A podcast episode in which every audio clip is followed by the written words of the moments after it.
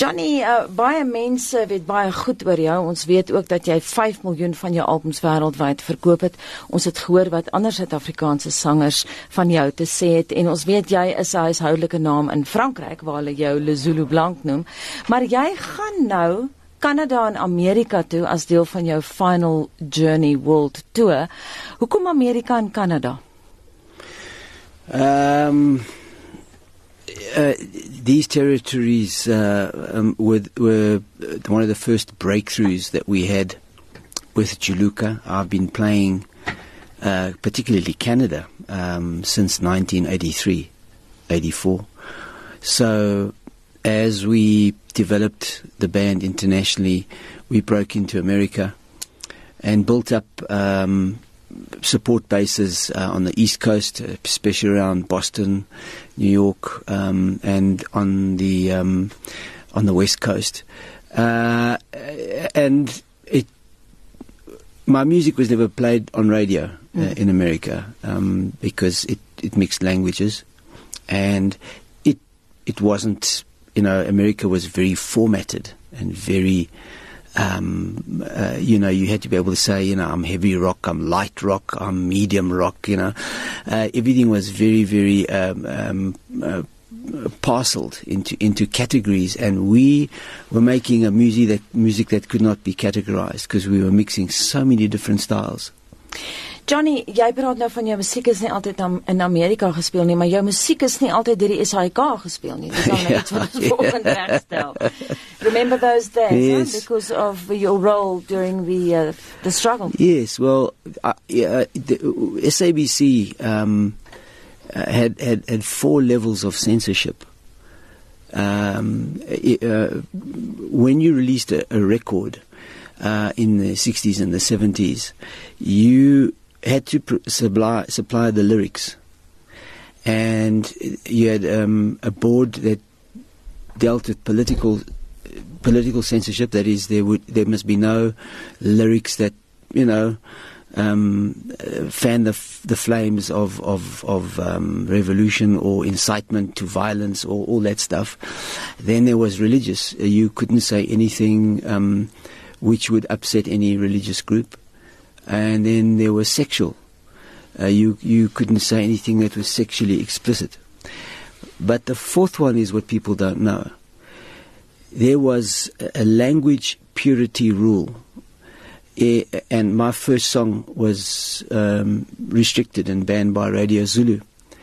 In 1976, I wrote a song called "Woza Friday," mm-hmm.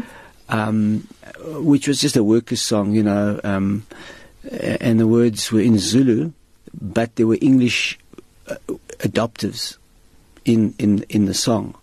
So I'd say, was a, was a Friday, my darling. Uh, Friday, my sweetie. Um, mm. um, and then at the end, goodbye, I'm going now.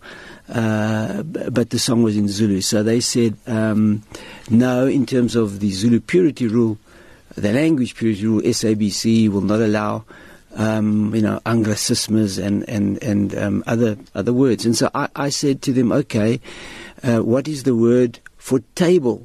And they said to me, itafula. I said, but that's from Afrikaans, tafel. Uh, what's the word for knife? Messe. From Afrikaans, mes. What's the word for fork? Umfoloko. Yeah. From of, from English. Mm. Uh, what's the word for uh, um, car? imoto from Afrikaans motor. And I, just, I said, I can go on and on and on. Mm. Uh, you know, languages, uh, however much you want to separate people and separate languages, we hear each other's words and we, we you know, we, we interact and, and, and it's part and parcel of, of, of any language that develops. So they said, sorry, uh, we're not, we're not going to allow this, this, uh, this, this song to be played. But, uh, in a huge irony, it went to number one on Radio Sutu. uh, uh, uh, um, and so I, my first, first, first fan base was not actually Zulu. It came out of uh, what was then um, Petersburg, uh, uh, Polokwane now. Mm-hmm. Um, from Sishego in, in the township. So one of our first shows as Juluka was to go there and to play Was of Friday. Johnny, so jy het nou verwys na Afrikaans en jy het gehoor in die vorige bydrae het ons jou liedjie Tamela die son trek water gespeel. Vertel vir ons daarvan. Uh, the, the, I wanted to do a, a song in Afrikaans, um, and uh, I, I have a very, very good journalist friend who I met uh, in, the, in 1982, and who was a great fan of what we were doing. Afrikaans uh, chap called Chris Duplessis. Um, uh, he used to run the, the, he used to own the Shy Shy bar. Yes. Okay. I know Chris. You know Chris. Yes. And Chris and Chris was one of the first persons to write an Afrikaans review of Juluka um, when we played in Grahamstown, and um, uh, he.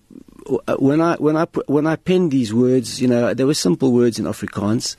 Um, he said to me, "I'm sorry, but uh, I, am going to have to be in the. I'm going to have to produce this." so, you know, I, I, I, they were very simple lyrics, and um, uh, he, I, wrote initially, "Die son drink water," mm-hmm. And he said to me, "But Afrikaans actually it's die son trek water," mm. and I said. Um, but I, have heard black workers say say die son drink water, um, and so he said, well. This is your first Afrikaans song, so don't play around with the language. Let's let's let's uh, make it you know strictly correct. Um, and then and then uh, uh, uh um, I, I, wonder what the lyric was. Um, ek, ek kan nie hoor nie or something. And I didn't have the the the, the knee in. And he said no only Steve Hofmeyr can say ek kan nie hoor. Yeah, you've got to say jy kan nie nie.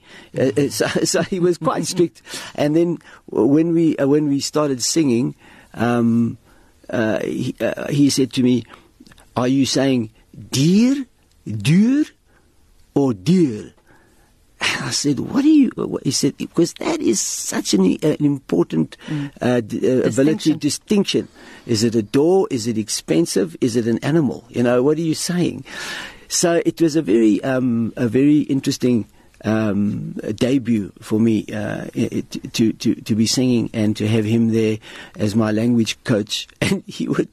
Because he comes from the film, the film industry. He doesn't come from the music industry.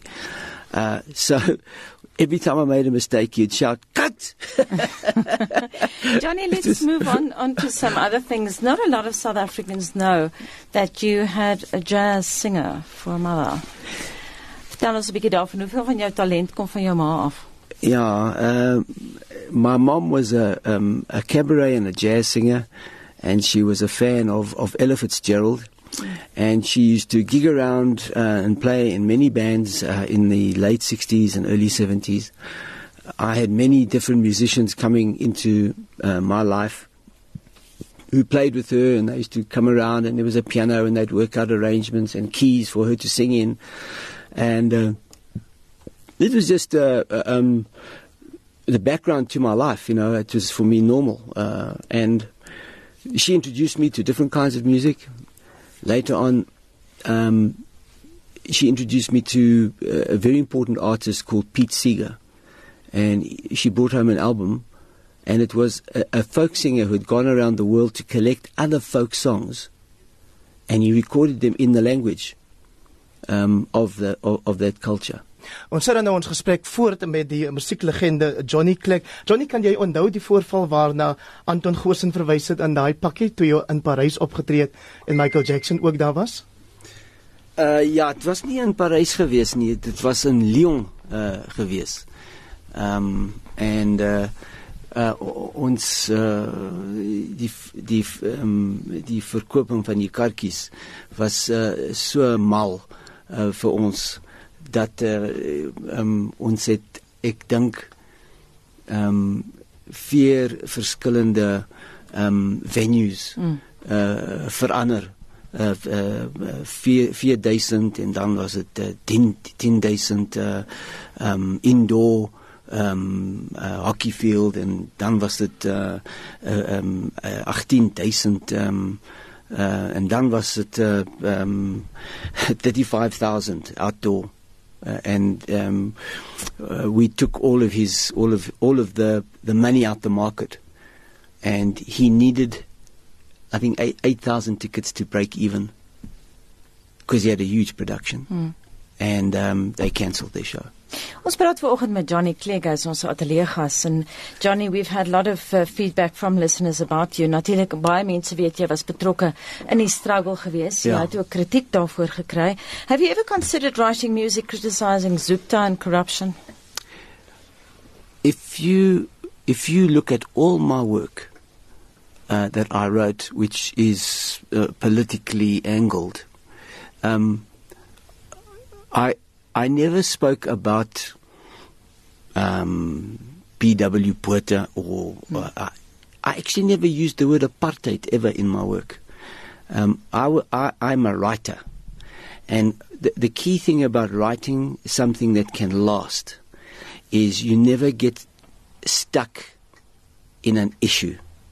You can you can write a song either about the Speckenham workers' strike in Cape Town in 1983 and what went on in the strike. And what happens is that your work becomes a piece of journalism. And like any journalistic piece, it's archived. It's not, it doesn't carry on breathing. What you have to do as a writer is that you have to penetrate what it is to be a worker. It doesn't matter about that strike because workers will always strike. So you have to find out what are the, what are the mechanisms that bring people out on the street. So I wrote a song called Work for All, which was a hit. Mm. And it, it just says, Work for all. We need to work to be. Um, uh, there's a jobless army in the street. Uh, this was 1982. Uh, we had a, a, very similar, we had a huge recession in South Africa and we had a drought. Um, and there was there was lots of, of, of, of strikes and things. So I took the sentiment of what workers were feeling and what they were asking for and why they were out in the streets, uh, instead of supporting a particular uh, issue. So I was never an issue-based writer. I always took issues and turned them into something that was universal, that you could put yourself in, in, in the place of. So uh, in my new uh, my new album that will be released in about uh, three or four weeks, uh, I, I, was particularly taken uh, uh, in the last eighteen months, two years, um, that the issue of race has come back as a race card in politics, and I really don't like that, and so. Um, uh, you know, white monopoly capital and uh, all of these new, um, uh, um, they are terms which are, which are used to separate people. I come out of a country that was separated, so I don't like uh, um, uh, um, cornering a particular race group or cornering a particular culture and saying and pointing a finger. So I wrote a song called "Color of My Skin" uh, on my new album. Dink jy dink jy kunstenaars vandag is het genoeg van 'n sosiale bewustheid oor die probleme in ons samelewing? Nee, uh, they don't. Um I think that uh the the ability to write convincingly about about politics is very hard because um you either get uh, today you'll either get uh, branded as you know, this is activist music. It's it's mm. not uh, it's not music to make you feel good or happy.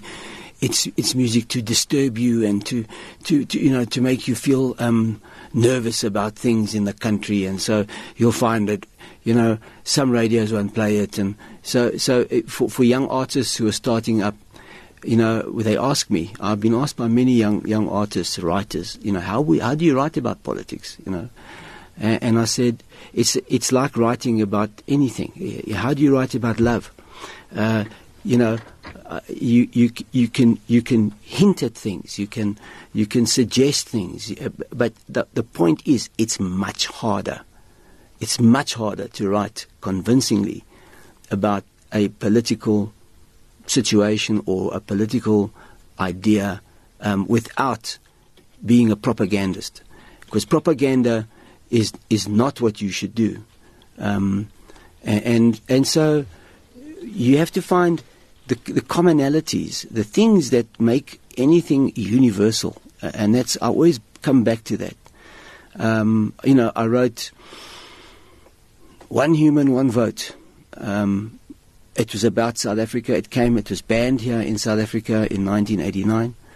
Um, uh, but the song is about a thousand, 10,000 years of human struggle to get to a point where the, all individuals have a right to vote mm. and how fragile and special that right is. Johnny, ons praat nou vanoggend met 'n Afrikaanse gehoor. Vertel ons 'n bietjie van jou Afrikaanse stiefpa.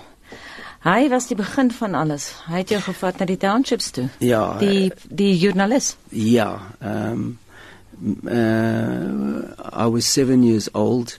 We had just come from Zimbabwe. My mom was born in Bulawayo and we, she brought me to South Africa. Um, she was offered uh, some some singing work, and she met uh, Dan Pienaar, and he was. Um, uh, an Afrikaans um, journalist who who, who, who made it into the English-speaking newspapers. He he wrote for the the Star and the Rand Daily Mail, um, and he was a crime reporter and he later became a correspondent for United Press International and built up a, a very, very uh, well established career. Um, uh, he, he, spoke brilliant English. Uh, he was a poet, um, and he was a very bright chap. Uh, and as, as a crime reporter, he would go into the townships. He, he was doing stories on the Msomi gang, the Americans and the Russians. These were all famous uh, gangsters in, in, in Alexandra Township. And so he would take me in when I was six, seven, eight, nine, you know. So, um, so 'n bietjie Afrikaanse invloed ook dan. Yeah, yeah, mm-hmm. and and also um, he he also opened my eyes to certain um, aspects of, of, of Afrikaner history. Uh, you know, we learned about the Great Trek and we learned about, um, and, and he would say, you know, we were people who were trying to find uh, uh, our own little promised land and our little place in the sun. And he said, and we landed up fighting everybody. And he, he was very, when he said this, he was very funny. As jy pas by ons ingeskakel het, jy luister na Monitor en ons ateljee gas vanoggend is die musieklegende Johnny Clegg. Nou Johnny, jy het voor ons nou hier na hierdie bydrae geluister dat jy vertel van die opvoedingsrol wat jou stiefpa Dan Pinaar in jou lewe gespeel het. Vandag is daar 'n beurs na jou vernoem by die Henley Besigheidsskool. Vertel vir ons van daai verbintenis wat gemaak word tussen jou werk en om sake studente by jou besigheidskool op te lei. Uh, it's a, it's a, a, bursary for the creative um, uh, sector, um, music or, or film or whatever, and it's it um, it's uh, it's awarded um, uh, I think every two years to um, uh, candidates who, who, fulfil all the uh, requirements, and really I got involved basically because I think um, we need to provide some kind of uh, you know support outside of our own careers uh, to young emerging people who uh, are coming into a new country uh, which is trying to work out who it is, how it can go forward, and I think that art is a very important part of the the way we construct our our, our future. Um, the, the, the, both the individual and the social imagination of a people in the art um, uh, world is a very important barometer of how, how healthy that, that country is.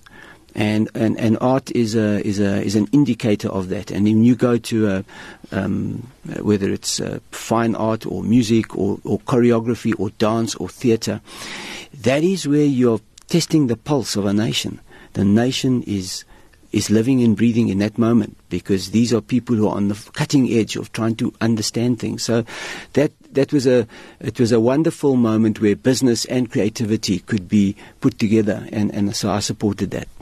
Let's look at the pulse of Afrikaans. Ons het nou vroeër vanoggend gesê luisteraars kan vrae instuur vir jou. Johnny en ek het 'n vraag hier van Paul de Vries wat sê vra asseblief vir Johnny Clegg wat is sy mening van Afrikaanse musiek in die algemeen?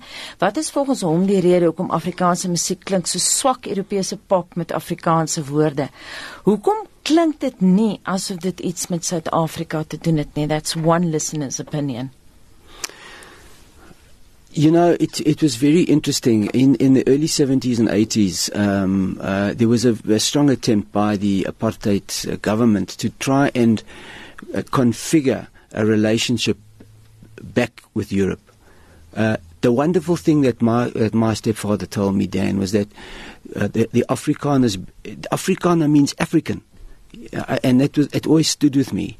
That that they were people who were looking for an identity. They were they left Europe and they constructed their own world. And they they fought the Zulu, the, they fought the British, they fought the Pedi, they fought everybody. Uh, they they they they they were like a tribe uh, an African tribe when they when they came out. And what happened when apartheid became um, a, a, a, proper system? Uh, there was a kind of a yearning. Uh, I believe um, with the government to reconnect with Europe in some way, and so um, there was, uh, you know, they built state theatres, and these state theatres were filled with European opera and with um, high high class European um, uh, music, and also a lot of the, the, the folk liedjes out of Germany and Holland, and, and so that I think was was the was was a um, a new kind of uh, idea that that you know we no longer African, we are European, and it was a change in the in the cultural. Uh, the government's cultural uh, idea of how to construct identity.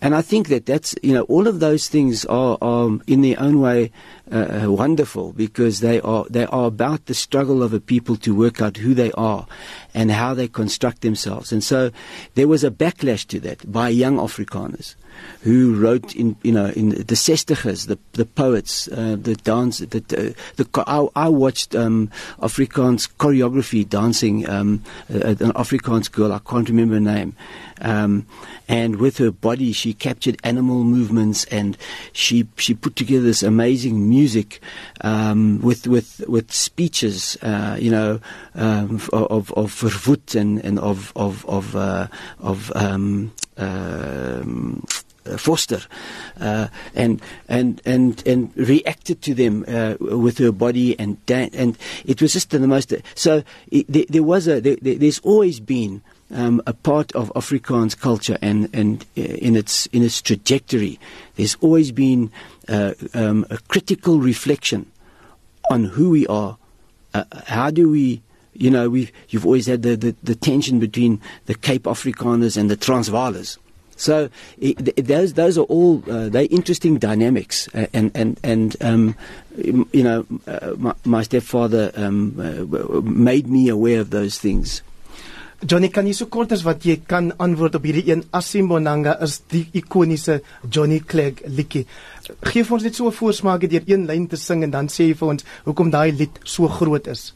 asimbonanga asimbonanga Mandela thina I was looking again uh, I was I was writing about somebody who I thought would be a bridge I wrote that song in 1986 uh, I wrote it after I heard on the radio that uh, three young men had been shot dead in in in Alexander by the army and I thought, wow, if the army is now coming in, we have a potential civil war. And then there was the state of emergency, and so I, I looked for something that everybody uh, could relate to, and that was Mandela was banned. You you couldn't have a picture. You, you did, I didn't know what he looked like. So Asimbonanga means we have never seen him. Uh, we are all whether you like him or you don't like him, you are part of the generation who have never seen this man.